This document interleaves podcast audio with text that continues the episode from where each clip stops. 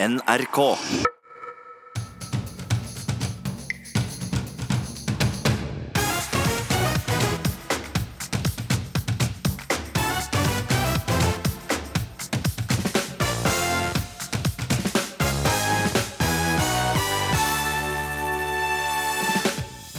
Han mista dattera til IS, men redda sju barnebarn ut av Syria. När vi landade i Sverige till sist så alla barnen och vi liksom ropade ja. Så det var liksom så här frihet. Så här. Morfaren Patricio Galvez om livet i Norge. I Sverige. Nå må Norge hente hjem våre barnebarn, sier faren til norsk IS-kriger. Det er ingen som har butler lenger. Hvorfor skal noen ha au pair, spør lederen i Handel og Kontor, som vil skrote hele ordninga. Og om noen timer starter kampen som får voksne menn til å gråte. Oppladninga til Champions League er i gang. Du hører på Ukeslutt. Jeg heter Gry Veiby. Vi har klart å lande på månen, men å finne en kur som stopper den dødelige muskelsykdommen ALS, fins ikke. Hva må til? Men først. I dag er det en sorgens dag for noen, men en gledens dag for andre. For i natt ble 52 nye bomstasjoner i form av høythengende kameraer over veien slått på i hovedstaden. Mange har sagt de vil demonstrere mot det nye bompengesystemet, og en av dem er deg, Cecilie Lyngby. Du er andrekandidat i Folkeaksjonen Nei til mer bompenger.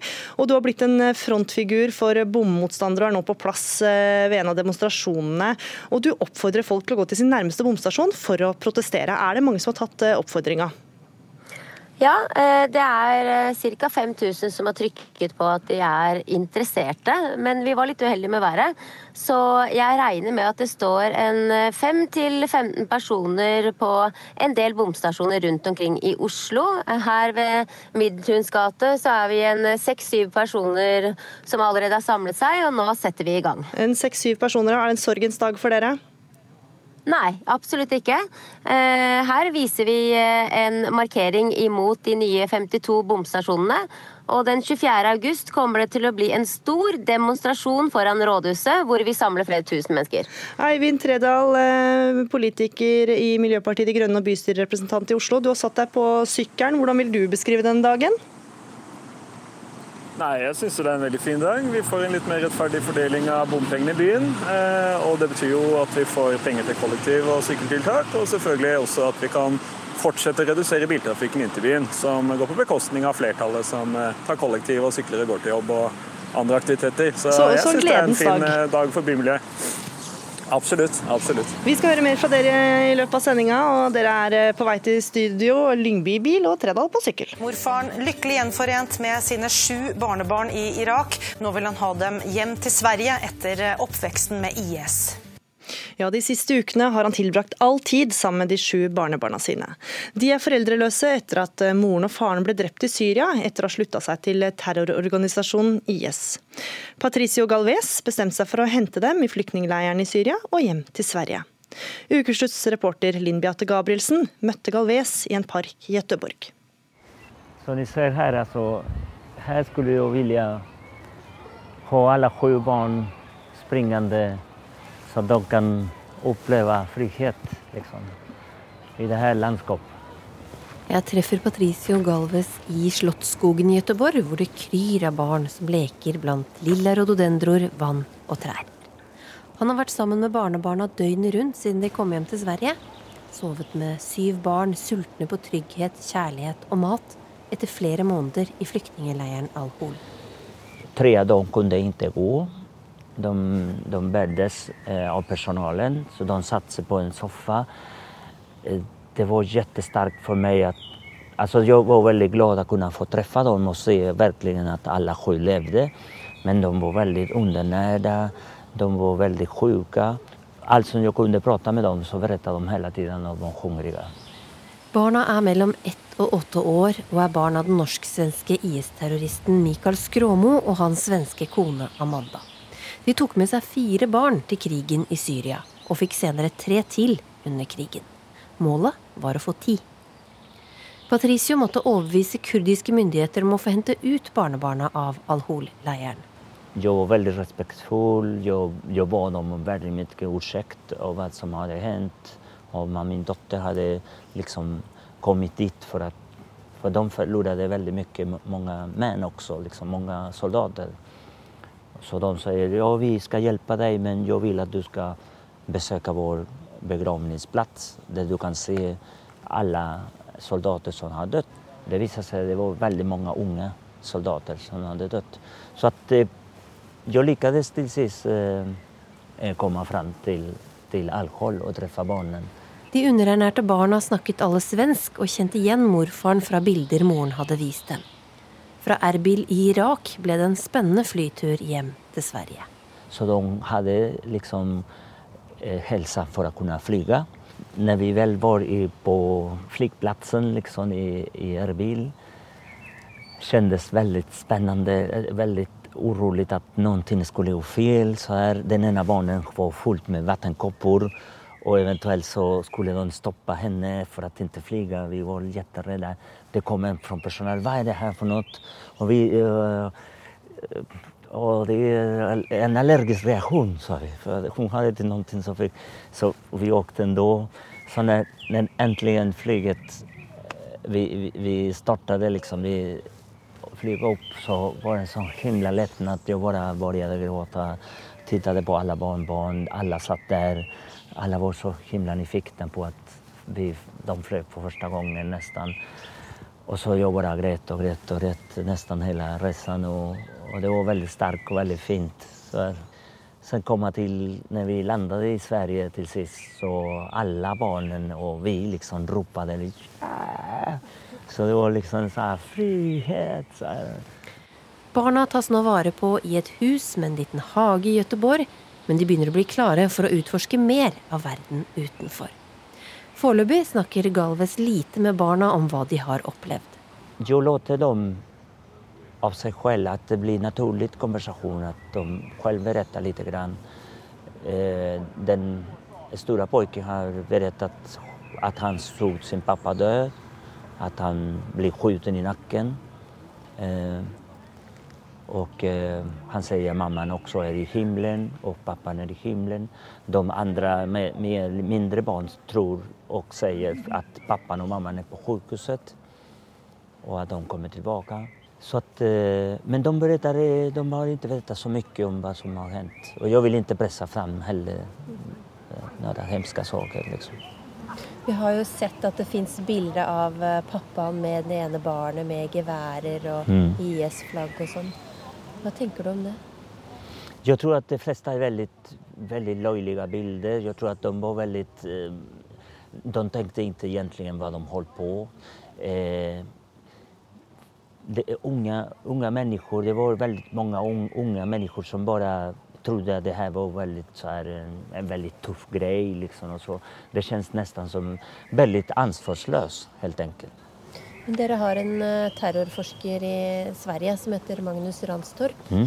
som sier at han er bekymret for hva, hva, disse barna bærer med seg, hva det kan føre til om 20 år f.eks. Eh, føler du deg trygg på at uh, dine barn vil uh, vokse opp trygt og bli gode svenske borgere? da? Jeg kjenner meg trygg så lenge, så lenge barna vokser opp i en miljø der det er en kjærlighetsfull miljø, der vi kan gi barna helt andre vurderinger enn hva som, hva som hittil har de fått uppleva. För mina barnbarn är som säger väldigt, väldigt små och samtidigt har enda lev, eller upplev liksom ett helvete så att säga. Va? Så att växer de upp i en helt annan miljö som vi ser här, liksom med, med, med helt andra värderingar eh, och kärleksfulla värderingar så tror jag inte att det finns någon risk för att just barnen kan eh, i senare i framtiden önska seg eh, jag tror at det, det, blir, det blir en risk ifall barnen er veldig nære just den konteksten. Og de vokser med samme så att säga utfostran på ett sätt och vis. Men om, om de ikke gjør det så finnes ingen risker. Liksom. Hva syns de om Sverige? Hvordan opplever de Sverige? De, de kjenner seg virkelig hjemme. De kjenner seg trygge her.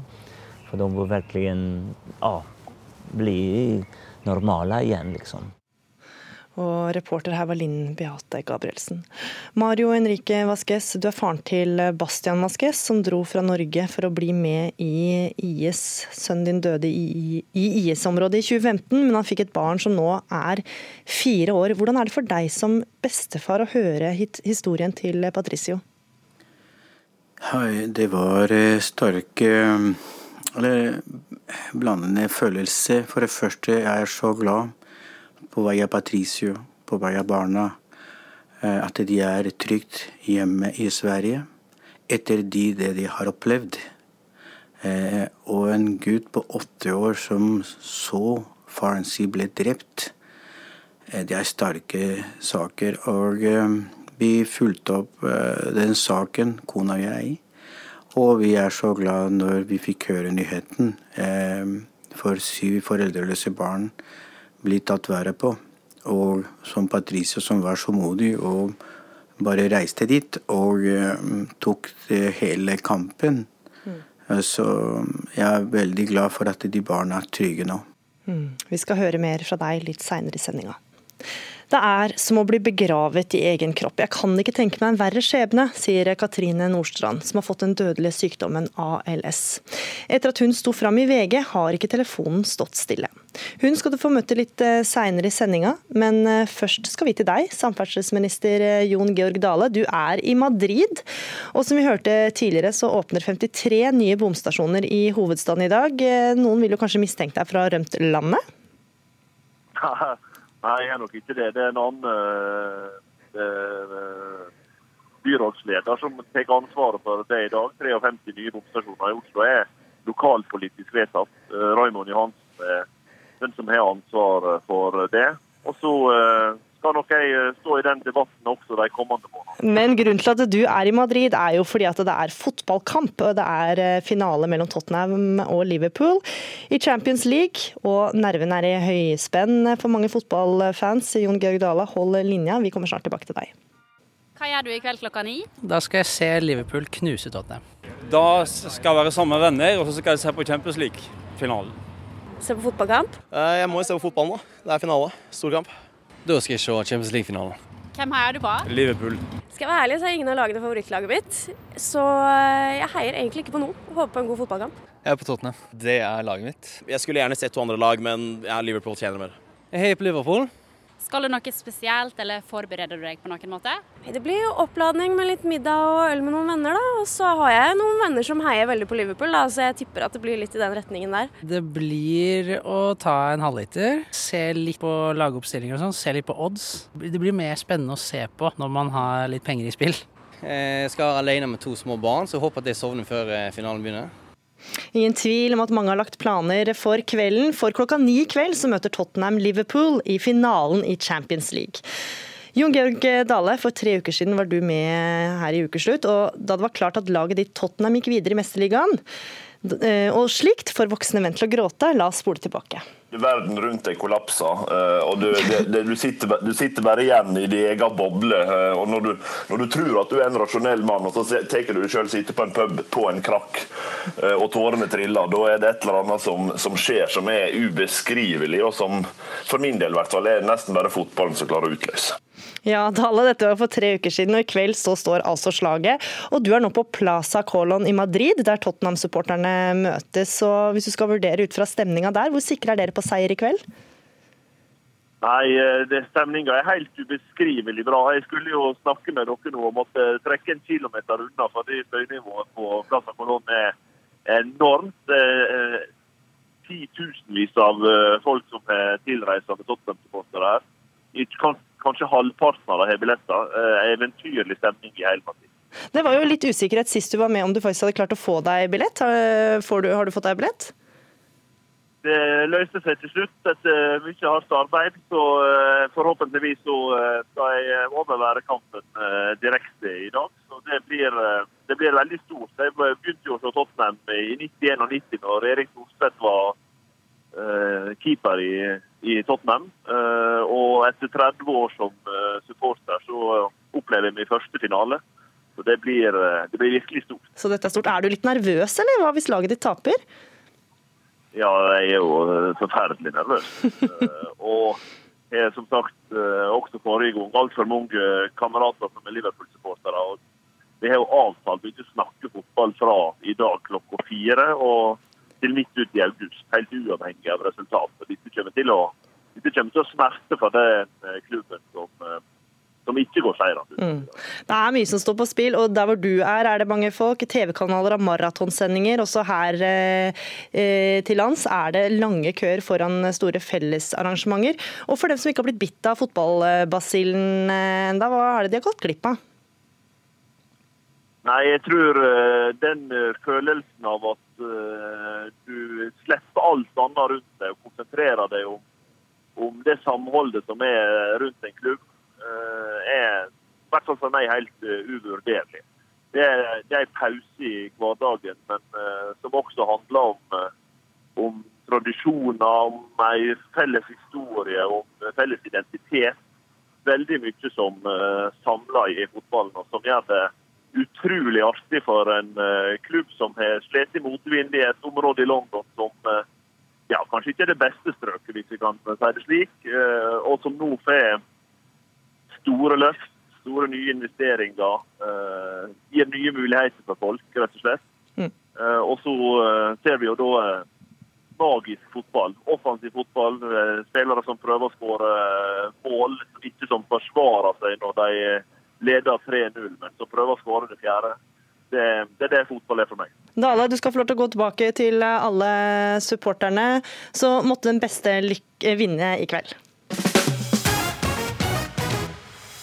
Du hører på Ukeslutt, og fortsett med det. Barnebarnet sitter fast i en interneringsleir i Syria. Ikke la barna straffes for foreldrenes feil, sier bestefar, IS, eh, sier eh, bestefar som eh, faren til en IS-kriger. Og det er som å bli begravet i egen kropp, sier Katrine Nordstrand, som har fått den dødelige sykdommen ALS, en sykdom uten kur eller behandling. Den siste tida har det storma rundt justisminister Gøran Kalmyr og familiens eh, au pair. For Utlendingsdirektoratet mener Kalmyrs au pair har jobba ulovlig i Norge, men får også kritikk for å ha et kronglete regelverk. I går var det språkkafé, der flere au pairer i Oslo møttes. Yeah, actually, I read it this few days, and it's very awful, terrible. Um, actually, I just heard about when you mentioned about today, because I'm pretty new here. I only been uh, to Oslo like three weeks ago. Og fra ukas snakkis til eh, selve ordninga. For nå er tida overmoden for å skrote hele aupairekonseptet. Det mener du, Trine Lise Sundnes, du er leder i Handel og Kontor. Hvorfor er det det? Fordi det er regulær arbeidskraft, og regulære arbeidstakere bør få de rettighetene vi som samfunn har satt for hvordan arbeidstakere i dette landet skal ha rettigheter og, og plikter. Når det er sagt, så finnes det mange muligheter for kulturutveksling hvis det er det man er opptatt av. Men vi vet jo at de aller fleste eh, vertsfamiliene tar inn au pairer for å få hjelp i huset. Mm. Ragnhild Borchgrevink, du er administrerende direktør i VEAS, og du har hatt fire au pairer. Hvordan har hverdagen deres gått opp hvis dere ikke hadde hatt de? Vel, Jeg ble spurt om jeg ville ta en jobb som administrerende direktør i en bedrift på Hønefoss den gangen jeg var gravid med barn nummer to og var tolv uker på vei. Og Jeg hadde jo ikke kunnet ta den jobben hvis ikke det fantes en aupairordning eller noe tilsvarende. Um, og jeg kom jo fra en jobb som salgsdirektør for en av fabrikkene i Norske Skog. og Fabrikken var i Halden, og markedet mitt var over hele, verden. Og det er klart at Hvis vi vil at kvinner skal ha noe annet enn 9-4-jobber i Norge, så må vi også ha en løsning for hvordan man skal få hverdagen til å gå opp. Men kunne dere ikke bare ansatt en hushjelp eh, og en barnepasser til ordinær lønn? Forskjellen med au pair er jo at de bor hjemme hos deg. Og det er jo den store, store forskjellen fra en vanlig arbeidskraft. Og så er det jo klart et kostnadsspørsmål i rene kroner. For vi hadde ikke hatt råd til å betale eh, hva jeg skal si, eh, full norsk lønn, men vi hadde plass til å ha noen boende og ta de inn i familien. Eh, det andre er jo det at vi heller ikke hadde behov for 37,5 timer i uken. Mm. Men, men, det er jo ikke sånn at disse menneskene ikke har noe sted å bo. De har et hjem. Nå i dag, 50 år etter at ordninga ble etablert, så er det stort sett, eller hovedsak, damer fra Filippinene. De har jo et hjem. Hvis vi legger til grunn Men Hvis de vil på kulturutveksling til Norge, da, så er det jo det en utveksling i arbeidskraft mot at du får kost og losji i en vertsfamilie? Alle studier som har blitt gjort, eh, viser at både eh, de som kommer til Norge som au pairer, og vertsfamiliene ser på dette som arbeidskraft. Så, eh, så, la oss kalle det det det er, da. Det er arbeidskraft. Og det er et kjønnsperspektiv i dette. Og, det, og Borchgrevink har helt rett i tilnærmingen at med to fulltarbeidende foreldre så så kan det være behov for å spe på med tjenester i hjemmet. Og det er ingen som sier at det er galt. Eh, men det vi sier, eh, det er som arbeidstakerorganisasjoner, det er at da må man betale for det. Det er et godt prinsipp i Norge at hvis du må arbeide enten i andres hjem, det er det mange som gjør, personlige assistenter. Hele Helse-Norge er jo også organisert opp på en sånn måte at, at du både får mat og har en seng å bo på, om det er på, i omsorgs, i i omsorgsinstitusjoner eller på sykehus. Eh, så har vi eh, diettsatser for det. Eh, men i tillegg så er det sånn at det er jo ikke sånn at vi i Norge kutter lønna til de som har den type arbeid, ikke bare i halvparten, men en fjerdedel, under dekke av at ja, men de har jo en seng å sove i og et sted å bo og spise. Men, men da hadde du ikke fått kommet hit da, hvis de skulle lønnes ordinært, vil jeg tro, Borchgrevink? For å si det sånn, Hvis det hadde vært en ordinær arbeidskraft, så hadde vi iallfall ikke tatt dem inn i vårt hjem. For det er veldig annerledes enn å bo på en institusjon. Eh, vi tok dem inn i vårt hjem, og ikke bare vårt hjem, men i vår familie. Mm. Det perspektivet jeg også vil si, er jo at vi ga muligheten for fire unge kvinner til å skape seg en bedre hverdag. Til å få egne penger, og med de egne pengene fulgte det også en høyere status. Og når vi snakker om at kvinner er enda mer sårbare enn menn i, i verden i dag, så syns jeg at det er en bra ting at vi gir kvinner et bedre grunnlag for eget liv. Ja, For du mener at dette også bidrar til kvinnefrigjøring? Det syns jeg absolutt det gjør. Eh, vi opplevde for våre fire au pairer at alle sammen fikk et bedre livsgrunnlag og fikk en bedre hverdag eh, med det de klarte å spare opp. Og så mener jeg jo at det er en stor grad av kulturutveksling å se andre rollemodeller. I vårt hjem opplevde de jo at mor i huset hadde høyere stilling enn mannen og tjente mer penger. Og det var en ganske likestilt familie. Det er kulturutveksling. Mm. Det er jo ikke slik at jeg satt og lærte dem hardangersøm, men vi lærte dem mye om hvordan samfunnet er innrettet i Norge. Det tok de med seg hjem. Mm, ja, Sunnes, En ting er eh, hvordan samfunnet er innrettet i Norge, men de har også muligheten til å lære språk, tjene litt penger, og med det bli litt mer selvstendig. Er ikke det bra for eh, likestillinga? Altså, jeg er litt usikker på hvor bra for likestillingen det er i forhold til de barna som bare ser at det er eh, hushjelpene bare er damer.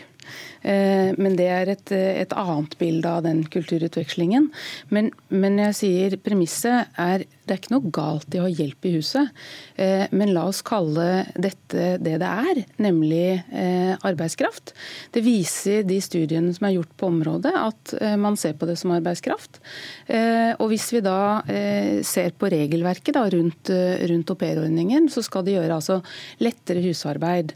Og hva er noe lettere husarbeid? Og jeg tenker sånn Lettere husarbeid eh, vil være når jeg lærer dattera mi å ta ut oppvaskmaskinen f.eks., eller sortere tøyet sitt, putte det i vaskemaskinen til og med, lære å skru på osv. Det er jo ikke det som skjer. Og så La oss nå si da, hvor, hvor mye tenker man av eh, disse, denne 80 %-stillingen da, er type eh, husarbeid, da? Eller renhold? Ja, det kan du svare på. Hvilke konkrete oppgaver fikk au pairene som var hos deg? Eh, au pairene hos oss de fulgte eh, til dels små barn til og fra barnehagen. Eh, de gjorde type oppvaskmaskin, lagde middag. Gjorde litt lettere renhold, ikke nedvask, men lettere renhold. Og litt barnepass og klesvask. Mm. Hvis vi, hvis vi, tar tak i det, da, la, så sier man OK.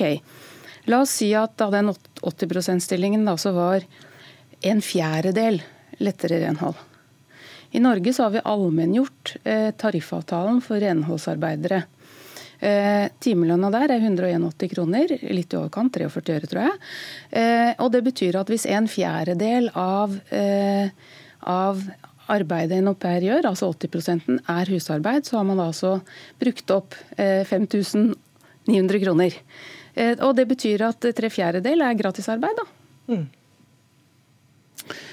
Vi kan godt diskutere eh, regelverket for au pair og hvordan det er innrettet med arbeid. Jeg syns ikke reglene henger sammen i det hele tatt, fordi at de er til dels veldig selvmotsigende. Men de får store goder. Verdien av det å bo i en familie er en stor verdi. Langt utover de diettsatsene man opererer med i statens satser i dag. Og Sunnes, det gjør også at kvinnene kvinner i disse familiene som bor der, kan jobbe mer? Eller jobbe fulltid? Altså, poenget er at regelverket er til hinder for at disse kvinnene anses som arbeidstakere, som alle vet at de er. Ja, du sier det jo selv, Borchgrevink. Hadde, hadde, vi ikke kunnet bruke altså au pair-instituttet, så, eh, så, så ville det blitt for dyrt. Eh, men, men, det er jo arbeid de utfører i hjemmene. Eh, for et par år siden så kjempa vi fram internasjonalt et regelverk knytta til hushjelp i andres hjem. For å gi hushjelp status som arbeidstakere. Eh, utrolig viktig arbeid. Men denne ordningen, som ble lagd i en tid som ikke kan sammenlignes med i dag, for 50 år siden, den er overmoden for skroting. Og la oss kalle det det er. Da håper jeg vi ikke skroter den før vi iallfall har hatt den diskusjonen om hvordan vi kvinner skal kunne jobbe annet enn 94 i Norge. Ragnhild Borchgrevink, administrerende direktør i VEAS, og Trine Lise Sundnes, leder i Handel og Kontor, takk for at dere var med i Ukeslutt. Du har sikkert sett eh, bilde av måka som har bygd rede på taket til en eh, student i Fredrikstad.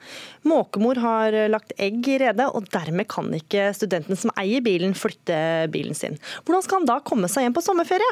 Det får du kanskje svar på snart. Men først skal vi til meningsmotstanderne våre, som for anledning er utegående reportere. For i natt ble altså det nye bomsystemet slått på i hovedstaden. Og motstanderne har demonstrert, mens tilhengerne har jubla og en av dem er deg, Eivind Tredal, bystyrerepresentant for Miljøpartiet De Grønne. Du sykler hit, eh, kan vi si gledesrus. Hvordan går det på sykkelsettet? Nei, Det går fint, det. Nå er jeg på Ring 2 på nye, fine sykkelveier, så det er en glede det å sykle. Eh, selv i regnvær. Det finnes jo ikke dårlig vei, bare dårlig sykkelpolitikk. Hvor mange demonstranter har du sett til nå, da? Jeg så tre stykker med plakater her ved en eh, bomring i eh, Gamle Oslo, så noen er det jo. Eh, som stod, så jeg jubla jo for bomringen, og de var ikke like fornøyd, men det må jo være greit. Cecilie Lyngby fra Folkeaksjonen Nei til mer bompenger. Har du kommet deg fra demonstrasjon og inn i bilen? Ja, jeg har kjørt nå forbi to bomber og kjører nå gjennom den tredje ved, altså ved, ved Ullevål stadion. Hmm. Har du, vi hørte fra deg tidligere, så var det ikke så mange som hadde møtt opp på demonstrasjonen. Hvor mange ble dere mot slutten der? Det, det var en eh, syv-åtte stykker som sto der, eh, og så var det veldig mye medie. Eh, så sto vi da i gate der hvor jeg sto. Og jeg vet at det har vært flere grupperinger rundt omkring, så jeg får jo rapporteringer etterpå. Men det er jo akkurat avsluttet, så de rapporteringene har ikke kommet ennå. Hmm. Vi eh, hører fra dere seinere når dere når eh, oss her på NRK. Takk så langt. Tidligere i sendinga hørte vi Patricio Galvez fortelle om da han henta de sju barnebarna sine ut av flyktningleiren i Syria og hjem til Sverige. Tre av dem kunne ikke gå. De, de bärdes eh, av personalen, så de satte sig på en soffa. Eh, det var jättestarkt för mig att Alltså jag var väldigt glad att kunna få träffa dem och se verkligen att alla sju levde. Men de var väldigt undernärda, de var väldigt sjuka. Allt som jag kunde prata med dem så berättade de hela tiden om de var hungriga. Og I dag kom nyheten om at eh, Tyskland skal hente hjem foreldreløse barn fra Syria. Og med det blusser nok en gang debatten opp om hva vi skal gjøre med kvinner som slutta seg til terrorgruppen IS, og ikke minst barna de har fått under oppholdet i det påståtte og selvutnevnte kalifatet. Mario Enrique Vasques, du har et barnebarn eh, på fire år. Hva vet du om hvordan eh, han har det? Eh, det er eh, Vi har ikke hørt så, så ofte i det siste. Eh, det eneste vi hører når svigerdattera mi ringer eller låner en telefon fra noen som har der, og så får lov til å ringe faren sin, og da får jeg vite via han hvordan det går. Det siste vi hørte, at de begge var syke. Både barnebarnet mitt, som er fire år gammel, og søstera. Hun fikk et barn til, på to år gammel, en jente. Begge var syke og hadde fått medisiner som hadde utgått for dato. De mangler mat og vann. De fortalte at de får en sånn pakke eller mat hver måned, og de hadde ikke fått de siste månedene, så måtte hun eh, kjøpe og selge ting for å skaffe mat og vann til barnet. Og det er jo veldig tøft og trist å høre at et barnebarn som Vi har fem andre barnebarn, og de bor i Norge. Og de har det godt, de har det trygt. Begge foreldrene er til stede. Eh, og det er jo veldig trist for oss, og vi føler så maktløse for at vi ikke kan gjøre noe som helst. Og at de ikke mangler på det nødvendige som er mat og vann og medisiner. Han, mm. Han har eh, cystisk fibrose. Mm. Mm. For nå vil du at norske myndigheter skal hjelpe til så barnebarnet ditt eh, kan komme hjem. Hvorfor mener du at det er et ansvar for uh, norske myndigheter?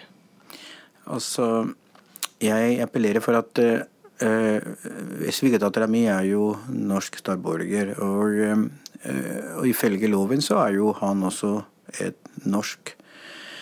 Eh, så han har samme rettigheter som alle andre personer som har samme status. Så jeg, jeg, jeg vet ikke hvorfor skulle ikke Norge ta ansvar for det. Statsminister Erna Solberg har jo sagt at norske IS-krigere har rett til å vende tilbake til Norge. Hvorfor kan ikke svigerdattera di bare reise hjem til Norge med barnebarnet? Nei, for at uh, hun er i en sånn internat, som det heter, og da får de ikke lov å komme seg ut. Uh, dette er Bjørn Nærum, som er advokaten til vår uh, svigerdatter. har sagt det, er at hun kan ikke komme seg ut av det feltet der. Og hvordan skulle hun og barna komme seg til den norske stasjon når hun ikke får lov til å komme seg ut av eh, feltet i den flyktningleiren? Jon Helgheim, innvandringspolitisk talsmann i Frp. Å hente andre barn enn foreldreløse barn må være helt uaktuelt, skriver du i en kronikk eh, i Aftenposten. Men hva sier du da til Vasquez her, som bare ønsker å få hjem barnebarnet sitt? Nei, Først vil jeg si at jeg har jo all verdens forståelse for den vanskelige situasjonen som familiemedlemmer av eh, de som har sluttet seg til eh, IS eh, er i. Og at man tenker på den vanskelige situasjonen som barna er i. Og barna er jo uskyldige havna i en sånn situasjon som følge av foreldrenes uansvarlige valg. Eh, men likevel så er det viktig for norske myndigheter å opptre både ryddig og prinsipielt i sånne saker. Eh, og det er faktisk eh, foreldrenes både rettighet og plikt å gjøre valg for barna sine. Og de som har tatt med barna sine og bor utenfor Norges grenser, Eh, de kan ikke regne med all verdens med hjelp fra norske myndigheter. Men nå hører vi her at hun sier, eller eh, fortelle, at hun angrer og vil gjerne komme tilbake til Norge. Hvorfor skal ikke Norge da hjelpe til med det? Altså Noen valg er rett og slett så dumme at det hjelper ikke å angre. Eh, og selv om norske myndigheter skulle ha ønsket å hente både henne og barna til Norge, så er det vanskelig. Eh, for det første så har mange av disse eh, kvinnene og mennene gjort seg skyldige i grove forbrytelser, og det bør straffes der forbrytelsen er gjort. Det er et godt prinsipp internasjonalt også. Eh, og Da er det ikke bare for norske myndigheter å hente de ut, eh, sånn at ikke de kan bli straffet eh, av de samme som de har gjort overgrepene mot. Men du sier at de skal, straffes i området som den kurdisk-dominerte militsen, som har kontrollen over området der blant andre Vaskes barnebarn er internert, har bedt europeiske land om å hente sine statsborgere hjem. Bør ja, det... ikke vi straffeforfølge de her? For det første så er det vanskelig rent praktisk å gjøre noe som helst, fordi man må ha ID på plass, man må eh, dokumentere tilhørigheten. Eh, bare det er fryktelig vanskelig. Eh, men så mener både norske myndigheter og flere andre lands myndigheter at man bør opprette en slags domstol for å straffe disse personene der de har begått forbrytelsene. Men det hjelper jo ikke Vaske som vil ha hjem barnebarnet sitt? Nei, jeg forstår veldig godt den vanskelige situasjonen de er i. Men som jeg sier, selv om norske myndigheter hadde ønsket så er det svært lite som kan gjøres. Det er mange eh, lands myndigheter som har tatt ord for at de ønsker å hjelpe, men har møtt eh, veggen i at det er, veldig det er praktisk nesten umulig å operere i disse områdene, både av sikkerhetsgrunner og av andre grunner. Så dette er ikke en enkel oppgave, men det er faktisk sånn noen valg er så dumme at det har ikke noe angrefrist. Ja, Vaskes. Hvis norske myndigheter skal hjelpe, så må du inn i et område som er prega av borgerkrig, og det er jo et farlig område å gå inn, gå inn i. For et valg som eh, ditt eh, barn og din svigerdatter faktisk har gjort selv. Alle gjør en sånn dumme valg som det går ikke an å angre. Det var en sterk eh, påstand der. Og så bare referere andre norske som har begått kriminelle handling, og det blir hentet til Norge. Og så Da gjelder ikke det å angre at det han har gjort. Vel så det. Så en annen ting. Han nevner dette med praktisk umulig. Det er ikke det.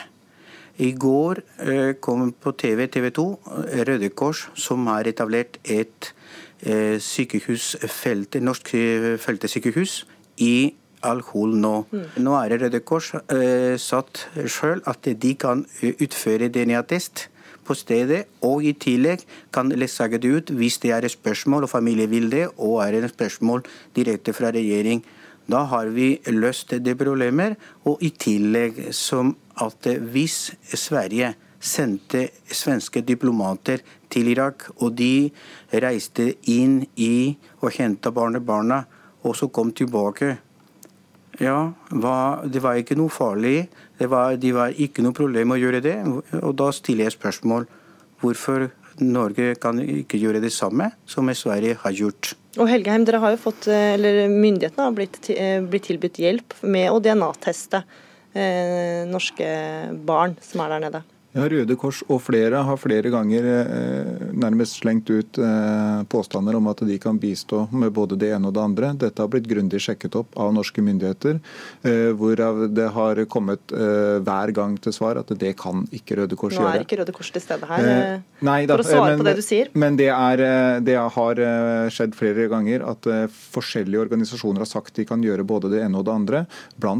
hjelpe til med DNA-test, men det har hver gang landet på at det kan de ikke gjøre. Men så er det mange som ser på den saken, så ser de at uh, Joshua French og Moland-saken den fikk jo masse oppmerksomhet, og norsk UD bidro der. Hvorfor skal vi ikke hjelpe disse? Altså, norske myndigheter kan gjerne prøve å bidra rundt omkring. og Det er forskjellige saker eh, rundt om i verden hvor norske myndigheter noen ganger bidrar. Som en hovedregel så er det svært lite norske myndigheter kan gjøre. Eh, og så var det jo sånn at Selv om norske myndigheter prøvde i en årrekke å få tilbake eh, Moland og French til Norge, så klarte de ikke det før eh, den ene altså hadde omkommet og den andre var sterk alvorlig syk, eh, og ikke før eh, myndighetene der ville det. Og Det er eh, sånne hensyn som man vil møte på i alle saker rundt omkring i verden. Og de aller færreste barn med norsk tilhørighet som lider pga. foreldrenes valg utenfor Norges grenser, de får aldri norske myndigheters oppmerksomhet eller norske presses oppmerksomhet. Og jeg synes det er litt viktig å være prinsipiell. Vi skal ikke ha en situasjon der norske myndigheter må strekke seg eller skal strekke seg mye lenger for å hjelpe eh, noen eh, fordi det får mye oppmerksomhet. Men foreldreløse fordi... barn har norske myndigheter sagt at de vil eh, så langt, gå så langt de kan for å hjelpe? Ja, og der ser man også at det er fryktelig vanskelig. Det er krevende praktisk å få til.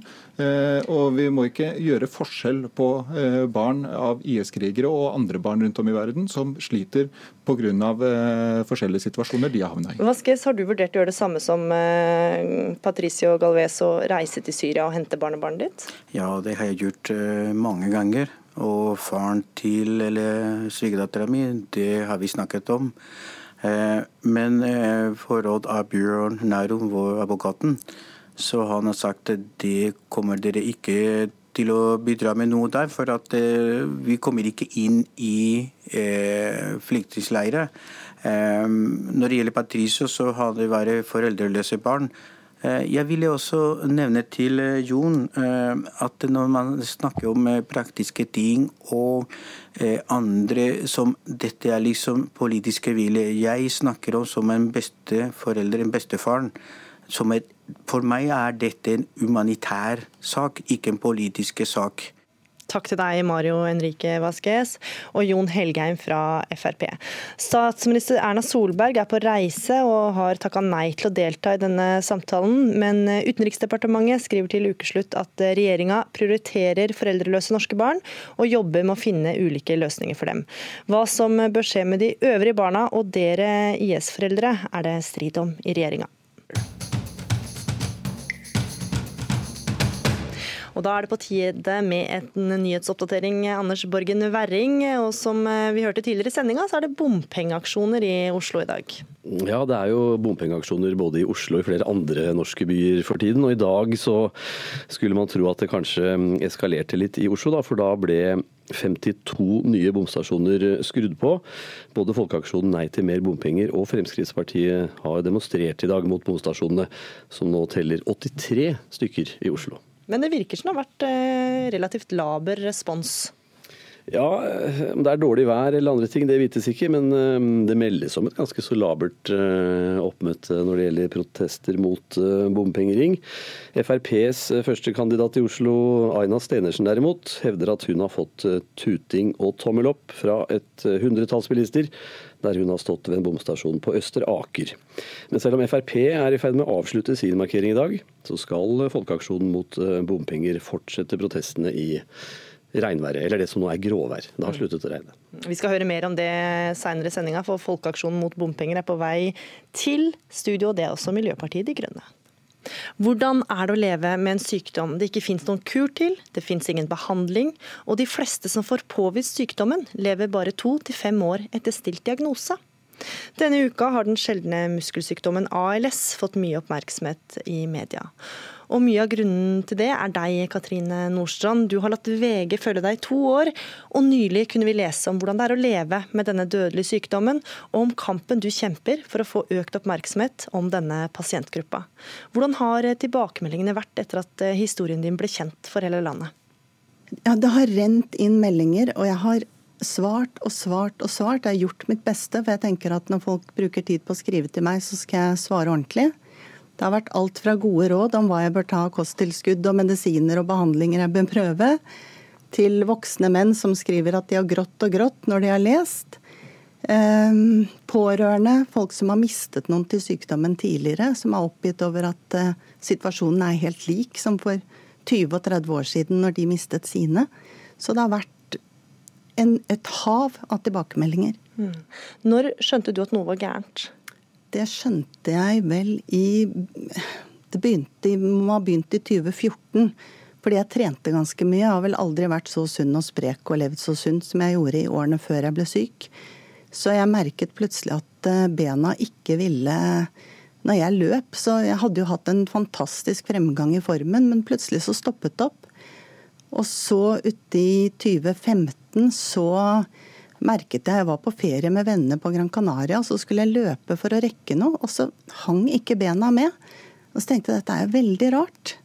At uh, jeg som trener så mye at uh, Men samtidig følte jeg meg jo frisk, og jeg trente vekter, jeg følte meg sterk. Og, men bena ville liksom ikke, og så plutselig merket jeg det også når jeg gikk, og så tenkte jeg det må jo være et eller annet i klem i ryggen, eller et, det, er, det er sikkert ikke noe som er så veldig farlig, men er, noe er litt galt tenkte jeg.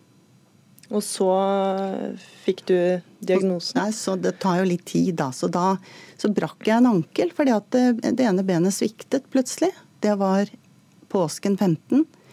Eh, så ble jeg, kom jeg meg aldri ordentlig, og det stemte jo ikke helt. Og så sommeren 2015 var jeg eh, noen timer på Ullevål for en MS-utredning og fikk beskjed om at det er ikke MS du har, nå må du Du kan bare roe helt ned. Og da ble du letta? Ja, da ble jeg veldig lettet. Mm. Så ta ferie nå og slapp av. Og så sa jeg til han nevrologen at jeg er veldig lettet for at jeg ikke har MS, men noe er galt. Og så ble jeg henvist videre til en undersøkelse som heter EMG, og det ville da komme ut på høsten. Og ut på høsten så så de noe på den testen som gjorde at jeg da ble innkalt til en innleggelse i oktober 15. Så 13.10.15 så eh, snudde livet, for da fikk jeg diagnosen. Og du fikk vite at du har ALS-en. Ja. Det er da eh, fem år siden de første symptomene mm. meldte seg. Hvordan påvirker sykdommen livet ditt i dag? I dag så Det er det der at eh, det, selvstendigheten blir mer og mer påvirket av det. Det, å, det, er jo lenge siden jeg sluttet å kjøre bil, sånn at når folk sier at ja, jeg kommer en tur innom, så kan jeg kjenne på at å, ja, men jeg skulle vært ute og handlet inn nå, noe til kaffen, eller Det får jeg ikke gjort. Um, at alt må planlegges. Hvis jeg blir invitert bort, så tenker jeg ja, klarer jeg å komme meg dit på krykker? Skal jeg ta rullatoren? Er det langt å gå? Uh, hva med toalettet? Vil jeg klare å reise meg? Uh, alt, alt må planlegges på en annen måte enn før. Mm, alt det praktiske? Alt det praktiske. Jeg har lyst til å reise til Syden til sommeren, og så blir jeg sånn Men hvor skal jeg bo? Hvordan skal jeg ja, Det må jo være hotell med handikaprom. Jeg må vite at det fungerer. Jeg kan ikke ta sjansen på noe. Det må bare fungere. Mm. I VG-intervjuet så sier du også at det er som å bli begravet i egen kropp. Jeg kan ikke tenke meg en verre skjebne. Men likevel så har du tatt kampen for å få mer oppmerksomhet om denne sykdommen. Hvor er det du henter kreftene dine fra? Det, det, tok litt tid å hente opp de kreftene. fordi at i mange måneder så eh, var det bare kaos inni hodet mitt, og jeg bare gråt. Og jeg tenkte at nå skal jeg dø fra familien min, jeg skal dø fra sønnen min. Hvordan vil foreldrene mine takle dette? Eh, de kommer til å bli knust. Søsteren min. Eh, og det å ikke kunne følge barnet sitt videre. Så jeg jeg husker veldig lite egentlig av de månedene, for jeg hadde det Det var bare kaos alt sammen, og jeg gråt. Og så kom det til et punkt ehm, Jeg husker jeg tenkte en del på at jeg tror jeg heller vil dø. Jeg vil dø selv. Jeg vil ordne dette selv, sånn at jeg slipper å gå inn i hva denne sykdommen skal gjøre med meg.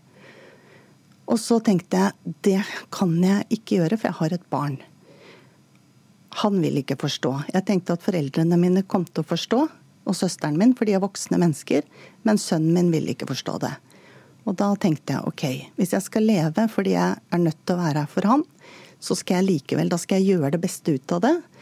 Og så skal jeg vise sønnen min at uansett hva livet gir deg, så gir du ikke opp.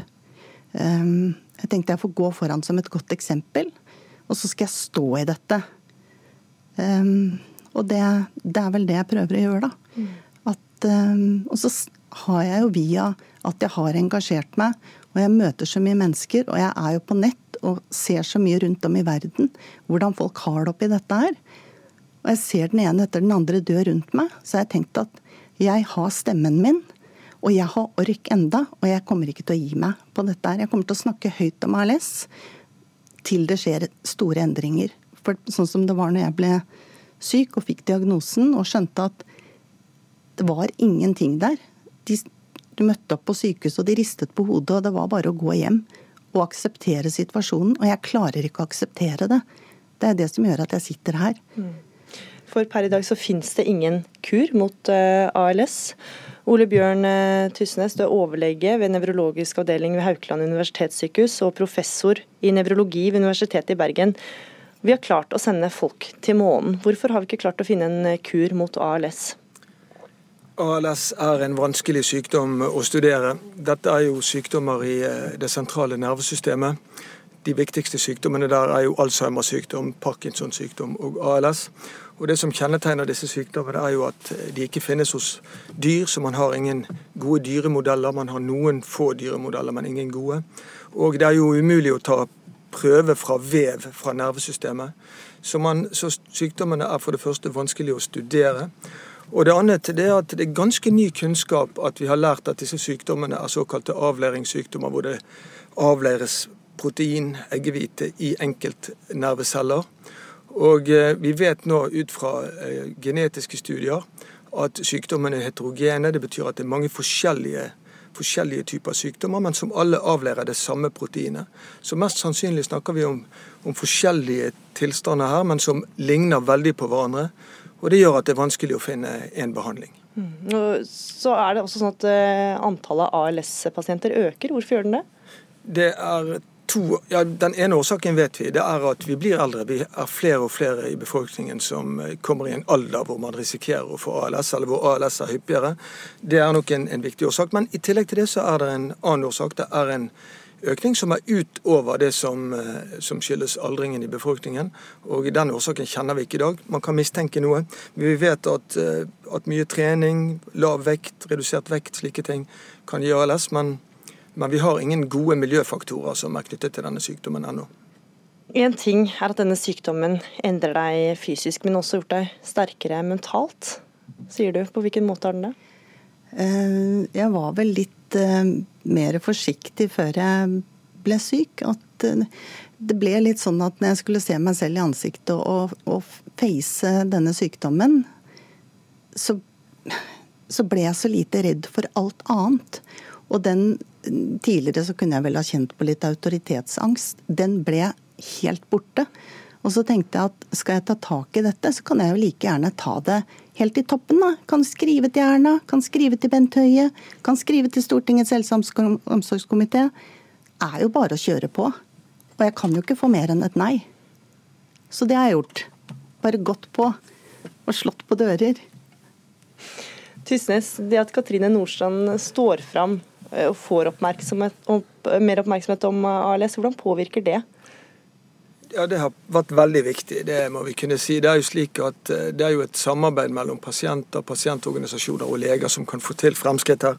Og eh, jeg er nå helt sikker på at eh, den, det initiativet som har vært fra Katrine Nordstrand og fra ALS Norge, har vært veldig viktig for at ALS har kommet med på som en sykdom som skal være inne i dette såkalte Senter for klinisk behandling.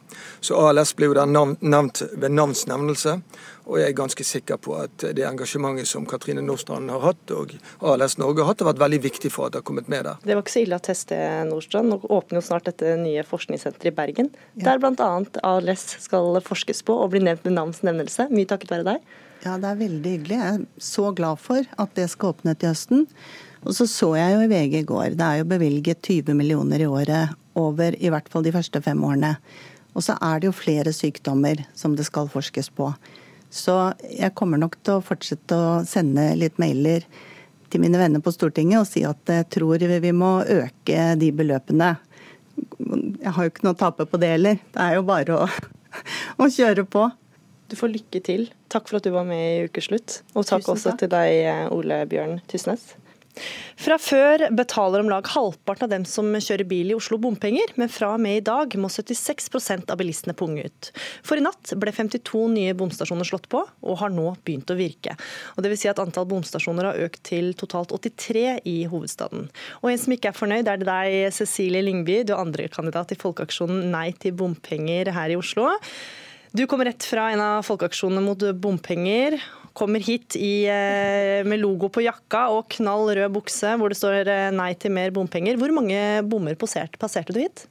Du, på veien hit så passerte jeg fire bommer, og da kjørte jeg jo Middeltuns gate opp til Smestad, forbi Ullevål stadion, Tåsen og så ned der. Så så var det fire stykker jeg passerte på den veien. Hvor mye kosta det da? da? Det koster jo bare den første bomstasjonen du passerer hvis du klarer å kjøre de andre innen en time. Har, og jeg kjører elbil, så da har jo det kostet meg i underkant av 10 kroner. Eh, og så vil du få 20% rabatt hvis du har brikke. Og dette du, går du i demonstrasjonstog for? Eh, det er jo totale pakken jeg går eh, og demonstrerer imot. Jeg demonstrerer imot alle bomstasjonene og det at vi faktisk har bomstasjoner. Det er jo prisene og prisnivået, også for diesel- og bensinbiler, som jeg demonstrerer imot. Eh, det at elbilene må betale, vil jo bare rettferdiggjøre for flere. Eh, men det er bomstasjonene vi ønsker vekk, alle sammen. Alle sammen. Eivind Tredal, bystyrerepresentant til Miljøpartiet De Grønne i Oslo. Du har eh, sykla, som vi har hørt, til studio her i dag. Hvordan gikk det? Det gikk veldig fint. Vi har jo fått veldig mye finere sykkelvei langs Ring 2 nå, så det var en stor glede. ja. Du hadde passert noen bomstasjoner i stad. Hvor mange har du passert eh, til nå? Um, ja, Jeg tenkte ikke kjøre gjennom så mange, men jeg har jo kjørt gjennom to. da. Og Det kosta jo nødvendigvis null kroner eh, på sykkel. ja, Hva sier du til dem som er avhengig av bil, og som nå får en ekstra stor utgift pga. alle disse nye bommene? Eh, ja, nå er det jo ikke så mange som får eh, høyere utgifter av de som har betalt før, men eh, for de som nå må begynne å betale, så mener jeg at det er en rettferdig ordning. Både at vi får en mer rettferdig spredning av bommene, men også at bilistene da er med på spleiselaget for renere luft og bedre plass i byen, og for at flertallet som reiser kollektivt og sykler og går til jobb og andre aktiviteter, får bedre plass. Men mange mener at det rammer litt skeivt, for at samme om du har 800 000 i året, eller Mm. jobber deltid og har 300 000 i året, så må du betale like mye hver gang du betaler en bom. Hvordan Ja, er dette ja. rettferdig? Nei, og sånn er det jo med momsen på mat og veldig mange andre ting. Og jeg mener jo at fordeling og utjevning i samfunnet er veldig viktig. Det mener jo også byrådet i Oslo. Eh, Og derfor så gjør man jo veldig mange grep for å gjøre det hverdagen billigere og lettere for folk. F.eks. gratis aktivitetsskole til alle førsteklassinger, som tilsvarer omtrent 22 000 kroner for en vanlig familie. Det er jo Da har de råd til å betale bompenger, tenker du? ja, altså, det er jo, Pengene er jo det samme, uansett hvilken del av husholdningsbudsjettet de kommer fra. Eh, Og For oss er det viktig å gjøre hverdagen lettere og billigere for folk. eh, Også med å bygge ut barnehageplasser der folk bor, så de slipper å kjøre bil til, jobben, for eksempel, eh, bil til barnehagen f.eks. Um, og Det er lurt å gjøre det uten å gjøre det lettere å ta opp masse plass og forurense for andre. Eh, Så Vi mener jo da at det er lurt å gjøre det dyrere å forurense, men da må man jo samtidig gjøre det rettferdig på andre måter. Ved å gjøre det f.eks. hverdagen lettere for folk eh, med barnehageutbygging og utbygging av flerbrukshaller og idrettshaller og sånne ting eh, i tillegg. Lyngby, mange vil jo si at det å ikke ha bomstasjoner gjør at man tilrettelegger for mer bilkjøring. Hvorfor skal vi gjøre det? Eh, Det er jo, Bomstasjonene er urettferdige fordi at bilistene betaler i utgangspunktet 110 milliarder i året i avgifter, eh, og nå får de en ekstra avgift oppå dette. Vi betaler nok, eh, bilene er renere enn noensinne. Vi har aldri hatt så rene biler som nå, så bilene forurenser ikke. Det er ikke bilene som er verstingene. Eh, Men skal vi tilrettelegge for mer bilkjøring, da, mener du? jeg syns vi tar tilrettelegger for de bilene vi har. Vi har 350 000 biler. Ifølge Tøy så vil det komme enda flere biler. Det Transportøkonomisk institutt. ja, det vil ikke stoppe utviklingen av at vi bruker biler. Vi må ha en vei rundt Oslo sentrum som gjør at korken i Operatunnelen eh, ikke blir sånn som den er i dag. Videre så vil jo det redusere trafikken inn til Oslo sentrum med 30 Vi lever tross alt i et samfunn som går veldig raskt, og vi kommer til å bruke bil, og bilene er renere enn noen gang. Det Men vil ikke bare nye veier føre til at flere kommer til å kjøre bil, og det blir mer kork?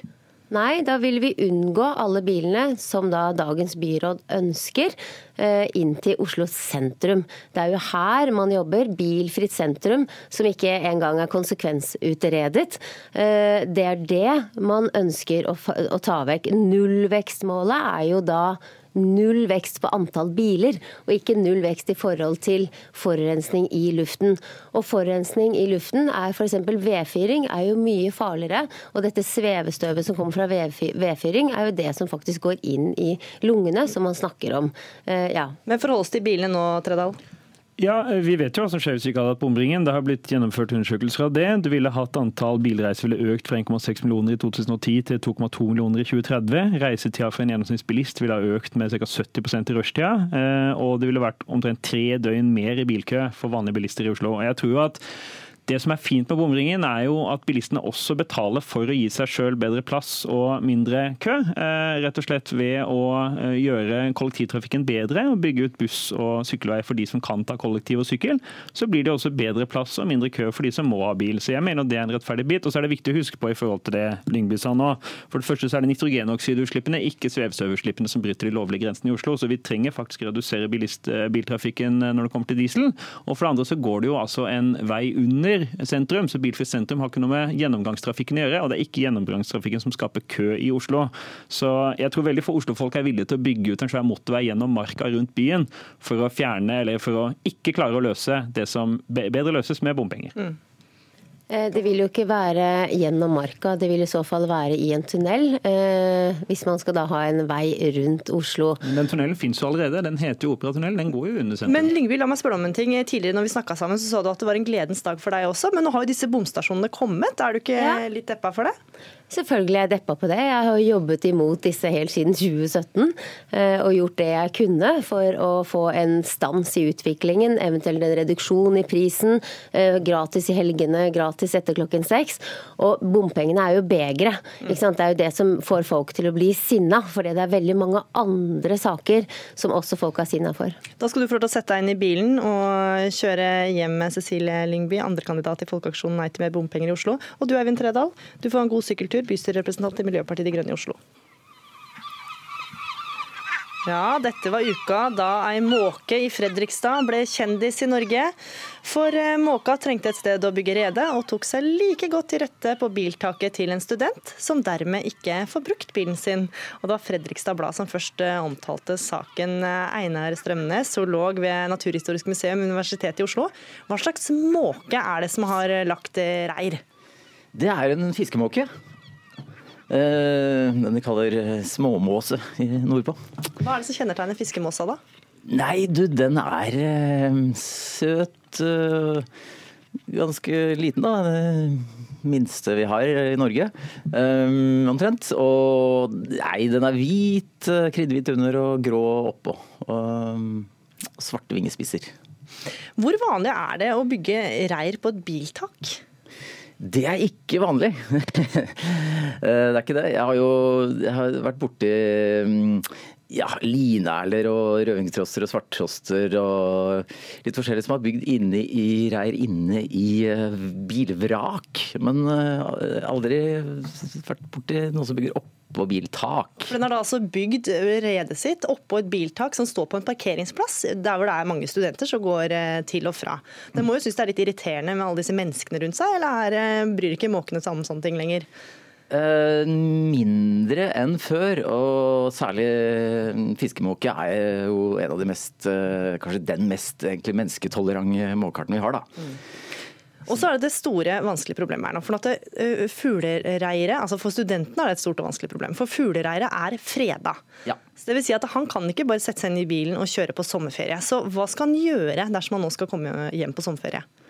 Nei, altså det er, det er ganske strengt. da. Fiskemåke og sammen med hettemåke og ikke minst krykkje er jo på rødlista. Nasjonale rødlista, så, så de får ekstra vern. Men alle, alle dyr er i utgangspunktet mm, freda. Eh, og da ikke minst unger og egg og reir og sånt. Er, mm, Så uansett om det ikke hadde vært den, måka som, den arten som hadde lagt det, så måtte, kunne han ikke flytta bilen sin hvis det hadde vært et reir der med fugleegg? Nei, nei. Da må du søke kommunen. Eh, Det er ganske krevende dokumentasjon som skal til for at du skal få lov til det. Det er en stor byråkratisk prosess som må til. Ja, Men hvordan, hvordan skal man flytte dette reiret? Er det, det er vel ikke bare uproblematisk det heller? Nei. Uh, Eller kan man flytte det? Nei, altså i utgangspunktet så skal man ikke det, da. Så han må jo ja, eh, finne andre måter å komme seg hjem på. For det kan ta eh, til fire uker til disse reirene klekker. Og vi har snakka med studenten som hadde ikke mulighet til å være med her i dag, men han har et spørsmål. For han forteller at en dag så kom de litt nærme redet. Og da virka det som at måka ropte på de andre, og så kom det flere måker på samme tid. Sånn de, de, Snakker de med hverandre? Altså, kan de hjelpe hverandre? Eh, Ja, akkurat fiskemåke er ganske sånn uh, uselvisk Uh, når det gjelder mat, i hvert fall. Så, så Det virker kanskje litt dumt, da, men hvis det er mat som dukker opp, så alarmerer de. Da, sånn at alle som hører det, kan komme. Eh, Og det kan jo ende opp med at de ikke får noe sjøl. Så de er ganske sånn sosiale på den måten. Sosialt tilpassa når det gjelder mat. Men hva med fiender, da? Varsler de hverandre på den måten? Ja, til en viss grad så er det vel en sånn effekt, da. Men de, de er i hvert fall øh, Det spørs litt hvor tett de bor og sånt.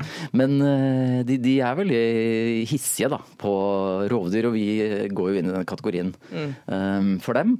Så da, da stuper de jo ned og har iltre skrik som, øh, som er ganske sånn øh, Kan være litt plagsomt, da. Mm, mm. En del folk som bor i by syns, syns jo det er altfor mange måker. Men eh, flere av måkene er på rødlista. Hvorfor er de det? Ja, nei, Det er nok en sånn sammensum uh, av negative effekter uh, som særlig vi mennesker påfører dem. Eh, Det er jo veldig mye det at vi, vi ned, bygger ned eller uh, bru, bruker områdene som de egentlig skulle hekket på. Eh, Og så har vi jo dratt inn eh, til lands eh, amerikansk mink f.eks., som, eh, som gjør eh, stor skade på bakkehekkende fugler. eh, Ikke minst langs kysten. Um, så har vi jo ja, kanskje rundt en million katter eller noe sånt i Norge, ikke sant? Som, eh, som jo gjør vei i vellinga hvis de kommer bort til fugler. Eh, ja, og vi tråkker jo rundt overalt, ikke sant. Så, så da, da Måkene er jo fleksible og ganske smarte fugler, så de prøver jo å tilpasse dette her. da, og, og finne noen andre steder å hekke. Da, og da kan jo Særlig når de tåler mennesker så godt som fiskemåke, så kan det være greit å trekke inn i tettbebygde strøk. Oppå tak, f.eks. Næringsbygg og blokker. Og, piper. Opp og piper og Ja, absolutt. Sånne men, ting. Men til folk da som nå hører dette her og har sett historien om denne studenten og måkereir og håper at det ikke skal skje med dem, hvilke råd har du? Er det noen eh, råd for å slippe å få et reir på biltaket sitt eller eh, hustaket sitt? Ja, akkurat biltak det skal jo litt til, for da må bilen stå stille ganske lenge. Så kjører bilen mye? Eller? Eh, jeg kjører mye bil. Nei, det er kanskje ikke et godt råd. Nei, men altså, det skal ikke så veldig mye til. Eh, det er bare at det er liksom rundt av og til. De må, de, altså, må stille, stå stille en, en, god del dager før de finner ut at det er fredelig nok. Så det er jo, hvis man ikke vil ha måkehøyse, så er det å være at du går rundt i området sånn en, dag, en gang om dagen eller noe sånt noe. Eh, så alt må være forebyggende i det øyeblikket de legger reir og egg. Når mm. eggene kommer, så, så, får du ikke gjort noe mer, men du kan forebygge da. Kan, det finnes jo masse råd. Du kan strekke opp eh, tau og sånn over tak, f.eks. Så det blir vanskelig å sette seg her? Ja, ikke sant. Eh, men det må være mer enn 30 cm over, da, så det ikke setter seg fast. og Det er noen sånne regler. Og du kan jo kjøpe diverse sånne drage Eh, hauker og sånn som eh, flyr og skremmer litt. Ja, de har sett mange steder. Ja, ja Det virker kanskje en stund nå. Mm. Um, så, ja. ja. Det finnes noen sånne råd, så det er bare å bare å sette i gang hvis man ikke vil ha en uh, måke på taket. Selv om det høres litt hyggelig ut, da, for man får jo vært med på hele klekkingsprosessen. Ja, ja, ja, ja absolutt. Einar Strømnes, zoolog ved Naturhistorisk museum, takk for at du var med i Ukeslutt.